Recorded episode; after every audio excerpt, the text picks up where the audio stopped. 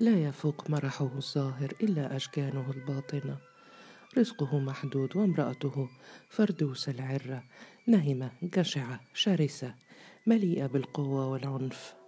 حياته جحيم بين الكدح والزوجية.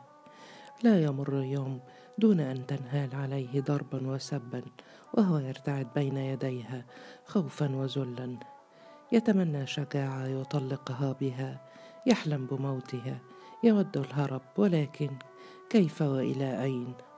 قال إنه أسير كما كان فاضل صنعان أسير الشيطان ولعله لا خلاص له مثله إلا بالموت.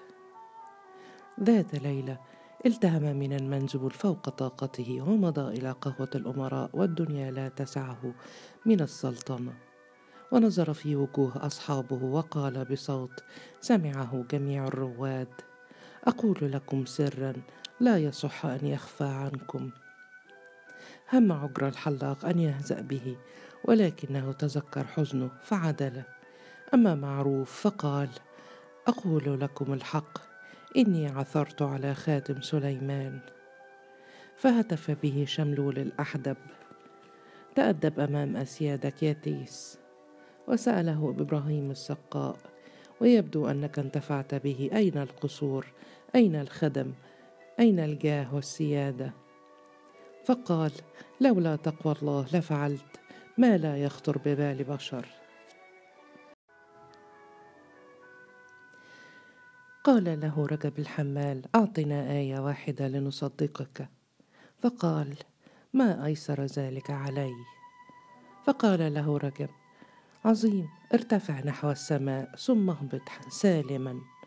فقال معروف الإسكافي في مناجاة يا خاتم سليمان ارفعني إلى السماء. عند ذاك صاح به سليمان الزيني كف عن هذا الهراء. ولكن انقطع فجأة الكلام معروف نفسه اجتاحه رعب غريب. شعر بقوة تقتلعه من مجلسه ومضى يعلو ببطء وثبات حتى وقف جميع الرواد فزعين ذهلين واتجه نحو باب المقهى وخرج منه وهو يصرخ اغيثوني ثم ارتفع حتى اختفى في ظلمة ليل الشتاء. تجمهر الرواد في الطريق أمام المقهى. تصايح الناس بالواقعة. انتشر الخبر كأنه أشعة الشمس في نهار الصيف وإذا به يهبط رويدا رويدا حتى يتجلى شبحه في الظلمة ويرجع إلى مجلسه الأول ولكن على حال لا توصف من الإعياء والفزع. وأحدق به الجميع من الخاصة والعامة وانهالت عليه الأسئلة. أين وجدت الخاتم؟ متى وجدته؟ ماذا أنت فاعل به؟ صف لنا العفريت. متى تحقق أما متى تحقق أمانيك؟ وقال له عجر لا تنسى أصدقائك. وصاح به إبراهيم السقاء إخوانك الفقراء. وقال له رجب الحمال اجعلها كما ينبغي لها أن تكون. وقال سليمان الزيني لا تنسى الله فهو صاحب الملك. لم يفقه مما قيل شيئا ولم يدر كيف وقع ما وقع. أي سر امتلكه؟ أي معجزة تحققت على يديه؟ هل يعترف لهم بالحقيقة؟ إنه يريد أن يخلو إلى نفسه أن يسترد أنفاسه أن يتأمل. ونهض من مجلسه دون أن ينبس. فأكثر من صوت هتف به لا تتركنا حيارى بل رئنا بكلمة طيبة. ولكن غادر المقهى دون أن يلقي نظرة على أحد. مضى نحو داره في مظاهرة من الرجال والنساء واكتظ بهم الطريق. تنافسوا في الاقتراب منه فسقط منهم قوم وداس بعضهم على البعض. وصاح بهم اذهبوا وإلا أرسلتكم إلى الآخرة. وفي أقل من دقيقة تفرقوا في فزع واضطراب حتى تلاشت أصواتهم. فلم يجد أمامه إلا فردوس العرة زوجته تنتظره أمام الدار وبيدها مصباح وهي تقول يعطي الملك لمن يشاء. لأول مرة منذ دهر تبتسم في وجهه فحدقها بنظرة غليظة ولطمها لطمة فرقعت في سكون الليل وصاح به وصاح بها أنت طالق فاذهبي إلى الجحيم. صرخت فردوس تستعبدني بفقرك وتطردني حال إقبال الحظ. قال لها إن لم تذهبي في الحال حملك العفريت إلى وادي الجن. فصرخت المرأة من الفزع وهرولت. لا تلوي على شيء. ابتسم أيضا. أول ابتسامة صافية منذ دهر طويل. ودخل مأواه المكون من حجرة ودهليز. ما معنى ذلك يا معروف؟ أهو حلم أم حقيقة؟ حل حل بك سر حقا. ونظر فيما حوله في الحجرة شبه العارية وتمتم بحذر يا خاتم سليمان ارفعني ذراعا واحدة فوق الأرض. انتظر في لهفة وإشفاق ولكن لم يحدث شيء. انقبض قلبه وغاص في صدره غريقا في خيبته مرة. ألم أحلق في الجو؟ ألا يشهد على ذلك أهل الحي؟ ألم تنهزم العرة لأول مرة؟ وقال من قلب جريح يا خاتم سليمان ائتني بصينية فريك بالحمام. لم ير إلا خنفساء تزحف فوق طرف الحصيرة المتهرئة. نظر إلى الخنفساء طويلا ثم أكهش في البكاء. طمر خيبته المرة في أعماقه. جعلها سره الدفين وأقام سدا بينه وبين لسانه. قال ليكن من الأمر ما تجري به مشيئة الله ولكن أليس عليه أن يذهب إلى دكانه ليصلح الأحذية والمراكيب والصنادل؟ وهل يهضم الناس سلوكه هو المالك لخاتم سليمان؟ وإن لم يفعل فهل يهب ذاته التعيسة للموت جوعا؟ غير أنه صادف خليل فارس كبير الشرطة عند باب عطفته وكأنما كان في انتظاره. تلقاه بابتسامة متوددة غير معهودة فأدرك بذكائه أن القوم ينظرون إليه باعتباره مالك خالتم سليمان. خفق قلبه بأمل جديد وصمم على تمثيل دوره بمهارة تناسبه حتى يقضي الله أمره. قال له الرجل برقة صبحك الله بالسعادة يا معروف. فقال بتحفظ دهش, دهش له هو نفسه وصبحك بمثلها يا كبير الشرطة. تكلم بثقة من يملك القوة التي لا يطمح إليها بشر؟ قال الرجل حاكم الحي يود مقابلتك. فقال دون مبالاة على الرحب والسعة أين؟ فأجاب في المكان الذي يروقك. يا أولاد الخنفساء يا جبناء. قال في داره كما يقضي بذلك الأدب. فقال بيقين ستلقى العناية والأمان. فقال ضاحكا في استهانة لا خوف علي من أي قوة في الأرض. فقال خليل فارس وهو يداري امتعاضا وربما خوف سنكون في انتظارك في الضحى.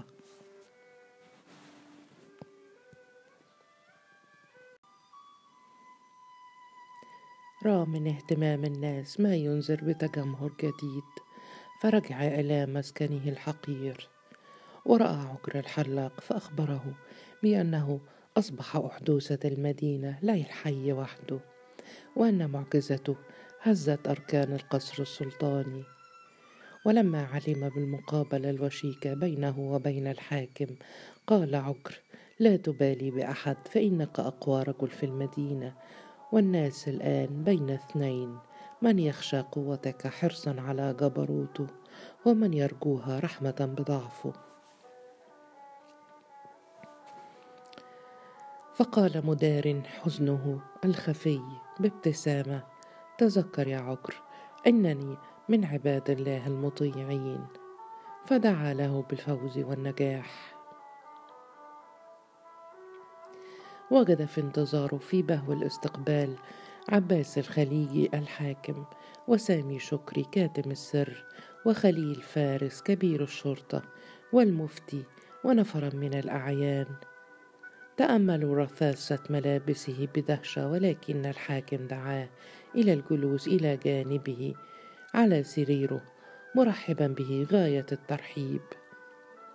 فجلس بثقة هدفا للنظرات المستطلعة المحترقة المزعورة.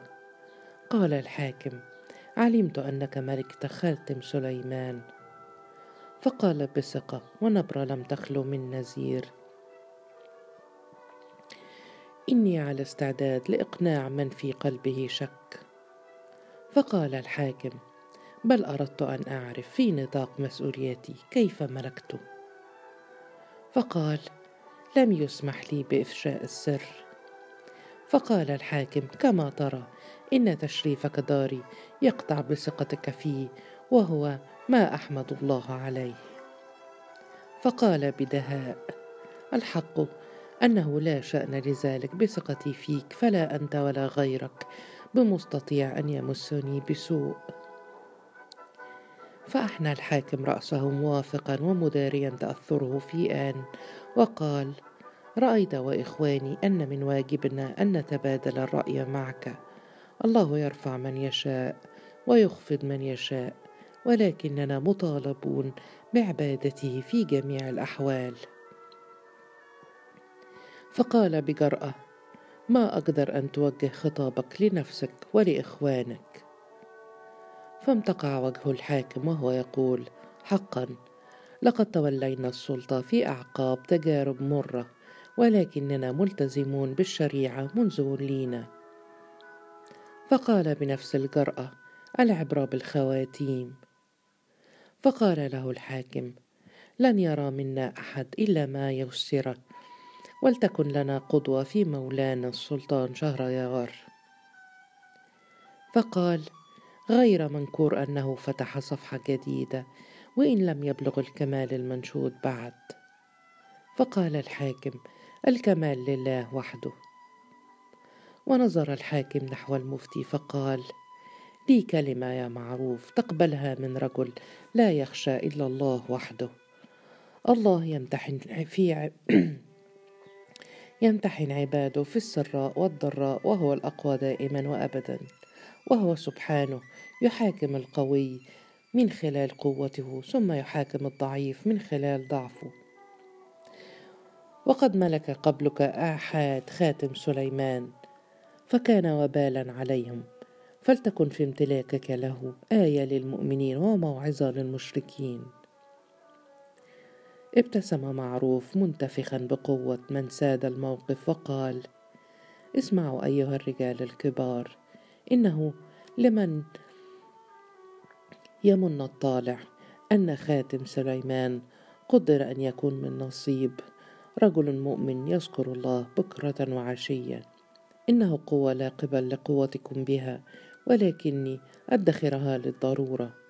كان بوسعي أن آمر الخاتم بتشييد القصور وتجييش الجيوش والاستيلاء على السلطنة ولكنني قررت أن أتبع طريقا آخر. تنفس الحاضرون بارتياح ولأول مرة فانهال عليه السناء من كل جانب. عند ذاك قال وقلبه يخفق ولكن لا يجوز أن أهمل نعمة أتاحها الله لي. فتطلع إليه باهتمام فقال يلزمني في الحال ألف دينار لأصلح به شأني. فقال الحاكم بارتياح سأراجع حساب ما تحت يدي من مال فإن لم يكفي طلبت معونة من مولاي السلطان. ونال معروف ما تمنى من مال وأغدق عليه الأعيان الهدايا بغير حساب. ابتاع قصرا وكلف المعلم سحلول بتأسيسه فخلق له منه متحفا. وتزوج من حسنية صنعان أخت فاضل.